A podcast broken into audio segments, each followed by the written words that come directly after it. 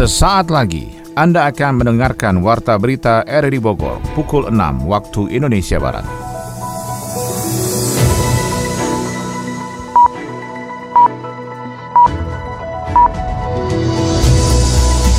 Selamat pagi dan salam jumpa. Kami kembali menyapa Anda dalam Warta Berita edisi pagi ini Selasa 22 Juni 2021. Siaran kami juga bisa Anda dengarkan melalui audio streaming pada aplikasi RRI Play di smartphone Anda dan bisa Anda dengarkan juga di Radio Tegar Beriman Kabupaten Bogor.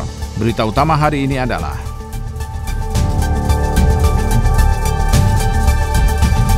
Pemerintah memperketat aturan PPKM Mikro mulai 22 Juni hingga 5 Juli 2021. Di zona merah, work from home-nya 75 persen. Jadi bekerja di rumah 75 persen, sedangkan di zona non merah itu uh, 50 50. Tingkat hunian kasur rumah sakit di Kota Bogor melebihi 70 persen. Itu masih banyak pelanggaran-pelanggaran tentang prokes dan lain-lain itu yang memang harus kita berikan teguran. Kursus pembina pramuka mahir dasar se-Kabupaten Bogor dibubarkan aparat. Tetapi kita tetap kalau misalnya kegiatan kepramukaan tetap mungkin berjalan, tapi dibarengi dengan progres itu tadi. Bersama saya Maulana Narto, inilah Warta Berita selengkapnya.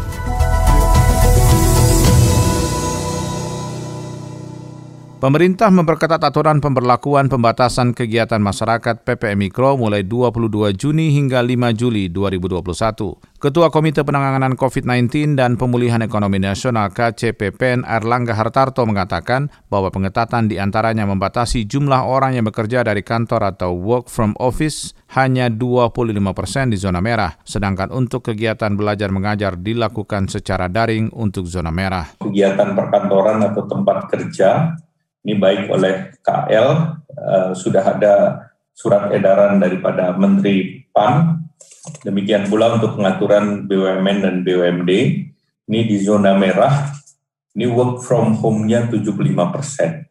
Jadi bekerja di rumah 75 persen, sedangkan di zona non merah itu uh, 50-50.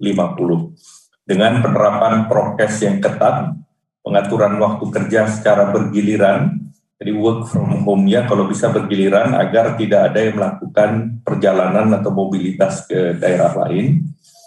Dan ini tentunya akan diatur lebih lanjut baik oleh KL maupun pemerintah daerah.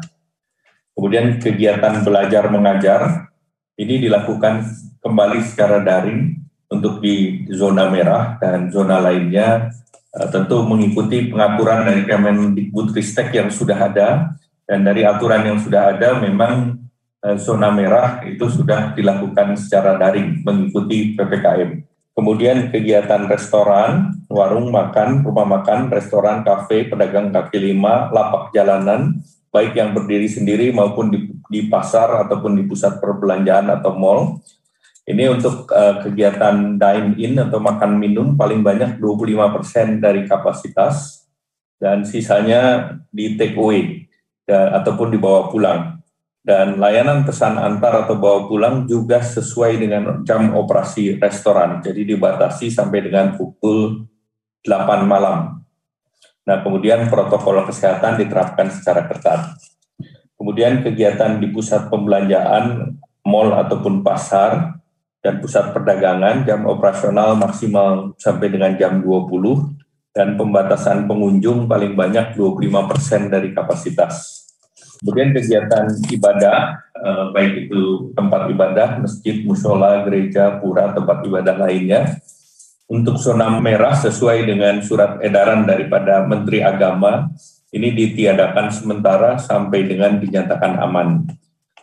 Kemudian kegiatan di area publik, ini fasilitas umum, taman umum, tempat wisata, dan area publik lainnya, zona merah ditutup sementara sampai dinyatakan aman.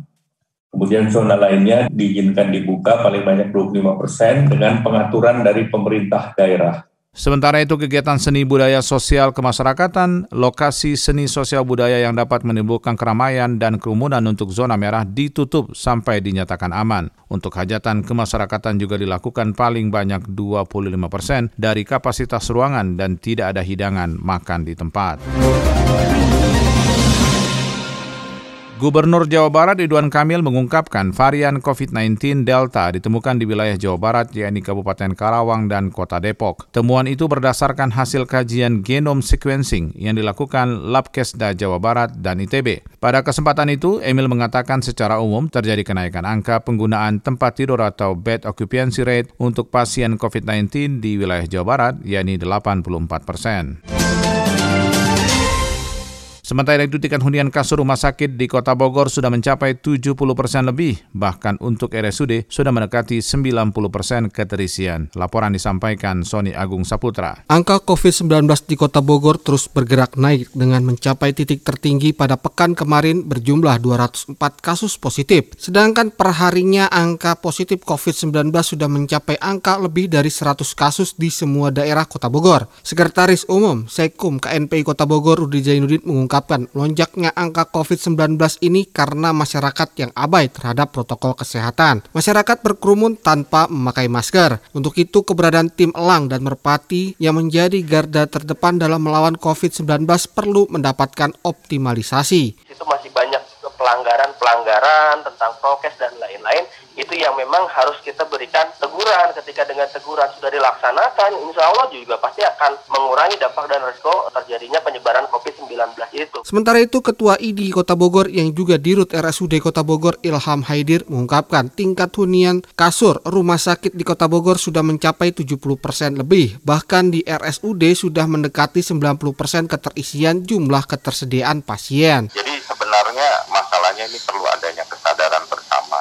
Ini kewajiban kewajiban komunal kalau masalah wabah, bukan kewajiban tapi komunal di mana semua itu bertanggung jawab untuk menjaga dirinya dan menjaga orang lain. Di sini yang kelihatannya kurang aware ya kalau saya melihat kewajiban apakah mengerti rata-rata pelanggar-pelanggar itu mengerti kok tetapi tetap saja tidak bisa menahan diri untuk melakukan mobilisasi ketika seorang sudah dibatasi.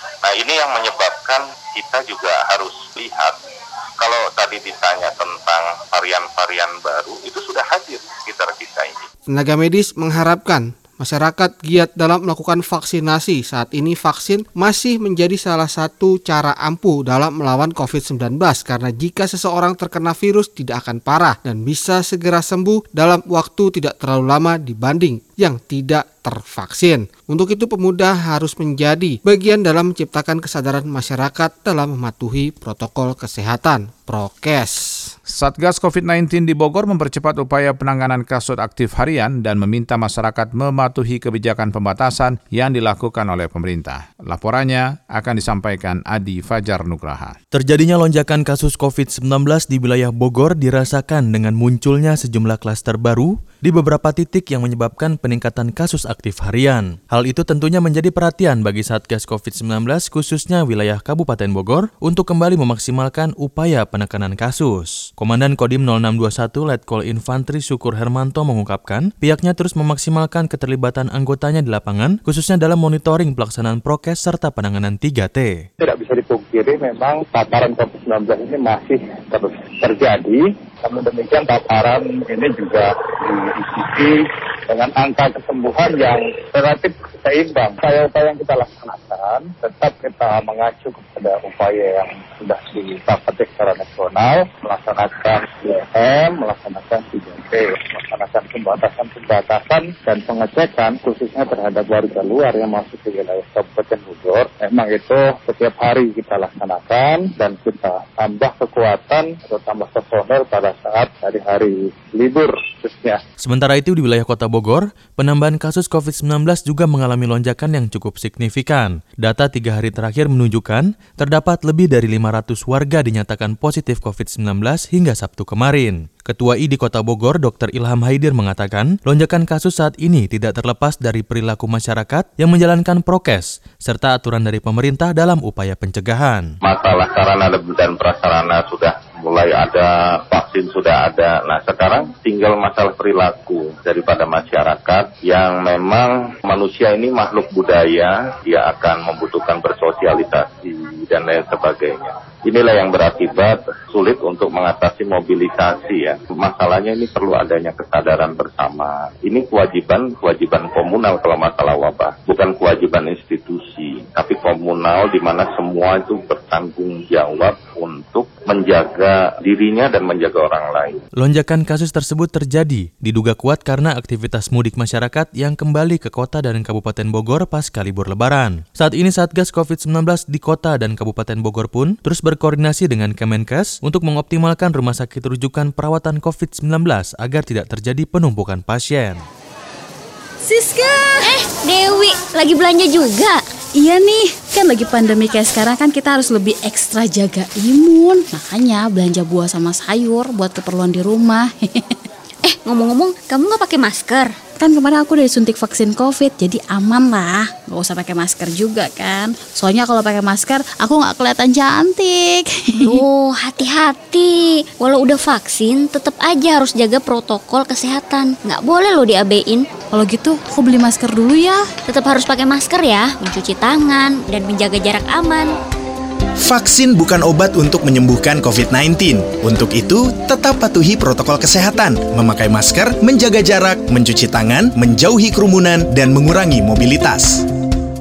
Angka COVID-19 meninggi, pembelajaran tatap muka Kota Bogor batal dilaksanakan. Laporan disampaikan Sony Agung Saputra. Rencana pemerintah Kota Bogor untuk memulai pembelajaran tatap muka PTM pada tahun ini terancam batal. Batal karena angka COVID-19 yang tinggi. Saat ini Pemda Kota Bogor dan TNI Polri melakukan berbagai cara penanganan untuk menekan angka COVID-19, salah satunya dengan program ganjil genap kendaraan bermotor di akhir pekan. Kepala Dinas Pendidikan Kota Bogor Hanapi mengatakan, meningginya angka COVID-19 berdampak pada pembatalan aktivitas kegiatan belajar mengajar KBM dengan pertemuan tatap muka. Semua institusi sekolah sudah mendapatkan surat edaran untuk menghentikan semua pembelajaran termasuk uji coba pembelajaran tatap muka PTM. Sistem pembelajaran jarak jauh PJJ kembali berlangsung dengan adanya evaluasi agar tidak menurunkan mutu pendidikan. Dengan kebijakan yang dikeluarkan oleh Satgas Covid, maka PTM kita berhentikan sampai waktu yang tidak ditentukan. Saya tindak lanjuti dengan surat pemberitahuan kepada TK,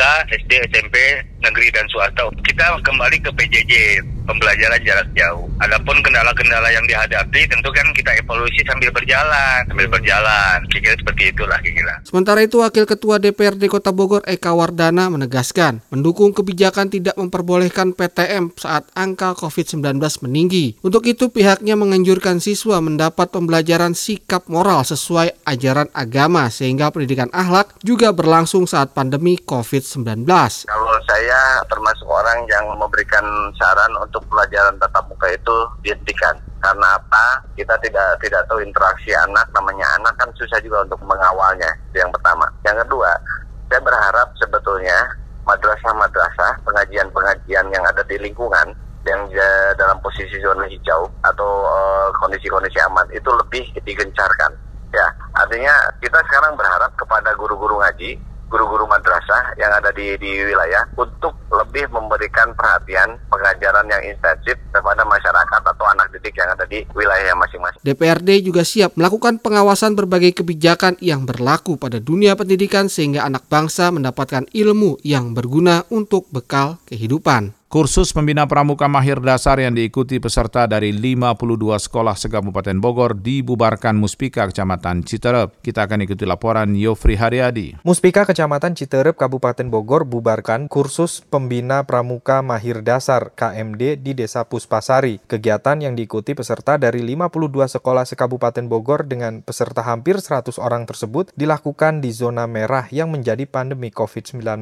Kepala Desa Puspasari Kecamatan Citerep Kurnia Nurdin mengaku mendapat undangan menghadiri kegiatan tersebut, tapi tidak dimintai persetujuan untuk pelaksanaan kegiatan yang berlangsung hingga 25 Juni nanti. Kegiatan dilakukan dengan cara berkemah di sebuah halaman villa yang disewakan di Desa Puspasari, Citerep, Bogor. Ada surat di kita juga, surat undangan yang melalui staf, kirimnya juga Belum hari ini menunggu camat barang. Sama lama juga sampai tanggal 25 itu. Nah iya, makanya Sabtu. Iya. Itu kendalanya Pak. Ditambah dia bikin kegiatan di zona merah yang paling tertinggi di 14 Karena Bupati juga nggak izinin. Sehat doang. Saya tanya surat antigen, kalau antigen kan batasnya tiga hari. Sementara itu, pihak Satgas COVID Kecamatan dan unit Pol PP Kecamatan Citerep mendatangi lokasi untuk menghentikan kegiatan. Namun, Ketua Kuartir Pramuka Citerep, Mariani menegaskan kegiatan yang berlangsung melewati protokol kesehatan yang ketat dan menerapkan 5M. Namun sayang, dari peserta yang mengikuti pelatihan tidak menerapkan rapid antigen maupun swab test sebelum melakukan kegiatan. Hanya berbekal surat keterangan sehat dari dokter saja. Iya betul sih, memang ya selama pandemi memang kita tahu persis ya tidak ada kegiatan-kegiatan yang notabene-nya mungkin itu. Tetapi kita tetap kalau misalnya kegiatan kepramukaan tetap mungkin berjalan, tapi dibarengi dengan progres itu tadi yang harus betul-betul segala sesuatunya disiapkan yang 5M itu. Kami mempunyai program ini memang sebetulnya udah ya diundur-undur ya. Kebetulan mungkin kami juga melaksanakan ini. Hingga Senin siang, Muspika Kecamatan Citerep masih melakukan negosiasi terkait kelanjutan pelaksanaan kursus pembina pramuka mahir dasar yang berlangsung di wilayah tersebut. Mengingat surat edaran terbaru Bupati Bogor terkait meningkatnya pandemi COVID-19 di Kabupaten Bogor untuk melarang kegiatan berkerumun di wilayah zona merah pandemi COVID-19.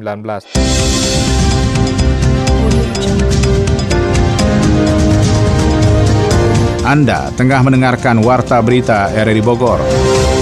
Tim Buser Polsek Ciampea Bogor membekuk Brimob Gadungan yang menipu korbannya dengan menggelapkan mobil serta serangkaian penipuan menggunakan seragam polisinya. Kembali Yofri Haryadi melaporkan. Tim Buser Polsek Ciampea Bogor membekuk Brimob Gadungan yang menipu korbannya dengan menggelapkan mobil serta serangkaian penipuan menggunakan seragam polisinya. Kasus yang berawal dari laporan salah seorang warga yang merasa ditipu saat pelaku meminjam mobilnya untuk keperluan dinas. Karena lama tidak kembali, akhirnya warga itu pun melaporkan kejadian tersebut kepada pihak pihak Polsek Ciampea. Dari penuturan Kapolsek Ciampea, Kompol Beni Utama, peristiwa tersebut berawal saat adik korban yang sudah tidak bersuami berkenalan dengan DN, lelaki yang mengaku anggota polisi berpangkat Bripka. DN berusaha mendekati keluarga adik lainnya hingga dipercaya membawa mobil keluarga untuk keperluannya, yang ternyata sudah sebulan tidak juga ada kabar. Kita bekerjasama dengan Polsek Cikembar Sukabumi dan berhasil diamankan oknum Brimob Gadungan atas nama Beni ini Adapun untuk korbannya selain di Ciampea, masih ada juga korban-korban lain di wilayah Sukabumi. Karena sudah ada yang datang juga ke Polsek memberi kabar. Adanya ditipu juga sebesar 50 juta. Ada juga yang kerugiannya motor. Anak kecil dikasih obat penenang motornya diambil. Karena karena TKP di wilayah Sukabumi kita hanya menangani yang TKP di Ciampea. Selanjutnya koordinasi dengan Polsek Sukabumi atau Polres Sukabumi untuk dilakukan pengembangan selanjutnya. Modus operandinya semua menggunakan cara penipuan. Lalu barang-barang korban itu digelapkan dengan seragam brimob dari hasil pengungkapan itu pun ternyata tersangka juga melakukan penipuan dengan modus serupa di Sukabumi. Namun yang ditangani Polsek Ciampea hanyalah kasus yang terjadi di Ciampea saja. Dari tangan pelaku, polisi menyita sejumlah barang bukti berupa seragam brimob berpangkat Bripka lengkap dengan pistol mainan. Atas perbuatannya, pelaku dijerat pasal penipuan dan penggelapan dengan ancaman hukuman 4 tahun penjara. Melonjaknya kasus COVID-19 di sejumlah wilayah membuat kondisi ekonomi Indonesia kembali gelisah. Pabrik baterai listrik milik PT Industri Baterai Indonesia atau Indonesia Battery Corporation dan konsorsium LG asal Korea mulai dibangun Juli 2021.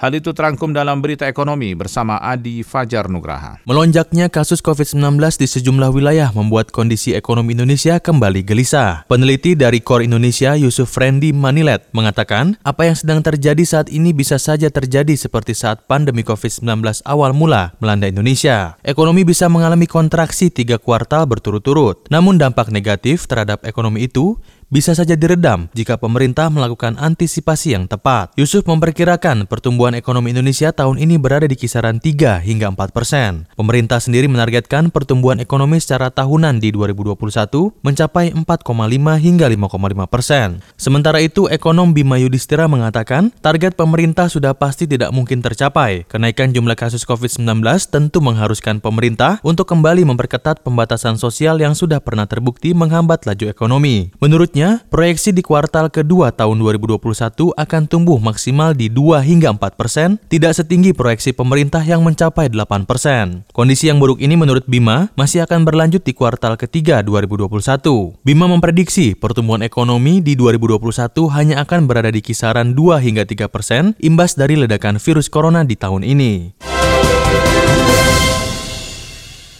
Pabrik baterai mobil listrik milik PT Industri Baterai Indonesia dan konsorsium LG asal Korea mulai dibangun pada Juli 2021. Menteri Investasi Bahlil Lahadalia mengungkapkan, saat ini progres pengerjaan tengah berlangsung dengan mulai groundbreaking pada Juli ini. Pabrik produksi baterai listrik yang disebut-sebut akan menjadi yang pertama di Asia dan bahkan di dunia, memiliki nilai investasi mencapai 9,8 miliar US dollar atau sekitar 142 triliun rupiah. Bahlil menyebut investasi ini menjadi yang pertama dan terbesar pasca reformasi. Optimis menjadi yang terbesar di dunia karena Bahlil mengungkapkan bahan-bahan untuk pembuatan baterai mobil listrik 50% berada di Indonesia, terutama bahan nikel. Ia menegaskan pemerintah telah melarang ekspor nikel agar Indonesia bisa menjadi produsen baterai terbesar di dunia. Bahlil berharap pengusaha tambang nikel yang sudah berizin khususnya di daerah ikut andil dalam proyek besar tersebut. Pabrik baterai mobil listrik PT Industri Baterai Indonesia dan konsorsium LG berada di kota Delta Mas, Karawang, Jawa Barat. Pembangunan tahap pertama direncanakan memiliki kapasitas produksi baterai mencapai 10 gigawatt-hour yang nantinya akan dipakai untuk kendaraan listrik.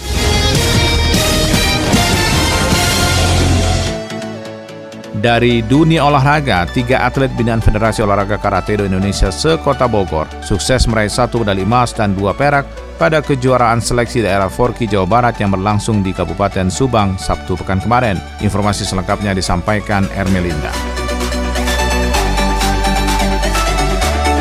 Tiga atlet binaan Federasi Olahraga Karate Do Indonesia Forki Kota Bogor sukses meraih satu medali emas dan dua medali perak pada kejuaraan seleksi daerah atau Selekda Forki Jawa Barat yang berlangsung di Kabupaten Subang Sabtu pekan kemarin. Dari tiga medali tersebut, satu medali emas di antaranya berhasil diraih oleh Aida Syafa dari kategori kumite kelas 61 kg putri. Sedangkan dua medali perak lainnya sukses diraih Berto dari kategori kumite kelas 75 kg putra dan M. Ridwan Firdaus dari kategori kadet kelas 63 kg putra. Aida Syafa mengatakan perasaannya dan pengalamannya dalam selekda kemarin dan ingin menjadikan sebagai bahan evaluasi untuk ke depannya. Pesan aku sih untuk perayaan itu senang ya kak, soalnya kan udah hampir satu tahun lebih lah kita nggak ada tanding, terus latihannya juga sempat berhenti gitu kan karena adanya COVID-19 ini. Tapi menurut saya itu memuaskan sih kak untuk peraihan medali emas di tahun 2021 ini yang pertama kali aku dapat setelah COVID-19 ini. Pengalamannya sih ya ketemu lawan yang baru ketemu aja kak, karena sebelum-sebelumnya juga yang biasa lawan sama aku, ketemu sama aku di pertandingan itu ada yang beda kelas gitu loh kak. Jadi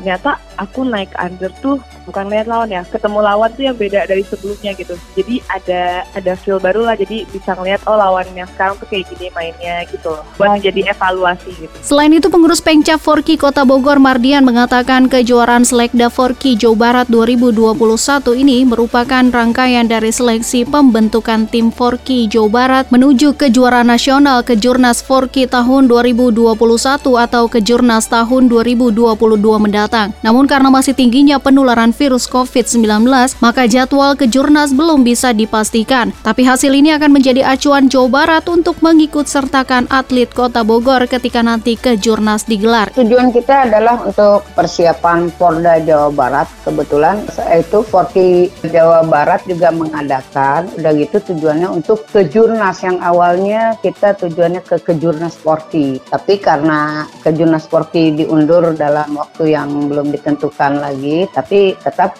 akan menjadi catatan untuk Forki Jawa Barat gitu. Kebetulan memang persiapan untuk Polda Jawa Barat mewakili Forki Kota Bogor. Kita terus-menerus latihan dengan gencarnya nih demi untuk Forki Bogor ke depannya. Ya mudah-mudahan aja berhasil. Senpai Dian dan sekaligus Ketua Umum Klub Karate Gor Pajajaran ini menambahkan empat karateka Forki Kota Bogor yang ikut dalam Selekda Forki Jawa Barat 2021 langsung dimanajeri Ketua Umum Forki Kota Bogor yaitu Syafril Tanjung. Ia berharap kepada ketiga atlet yang meraih medali di ajang selekda agar tetap intens berlatih dalam menjaga performa sehingga pada saat dilakukan pemanggilan oleh Forky Jawa Barat untuk ke Jurnas sudah benar-benar siap bertanding dengan penampilan terbaiknya.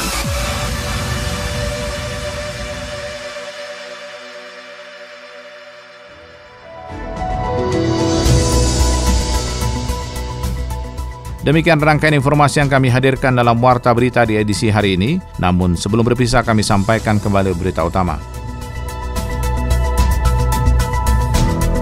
Pemerintah memperketat aturan PPKM Mikro mulai 22 Juni hingga 5 Juli 2021.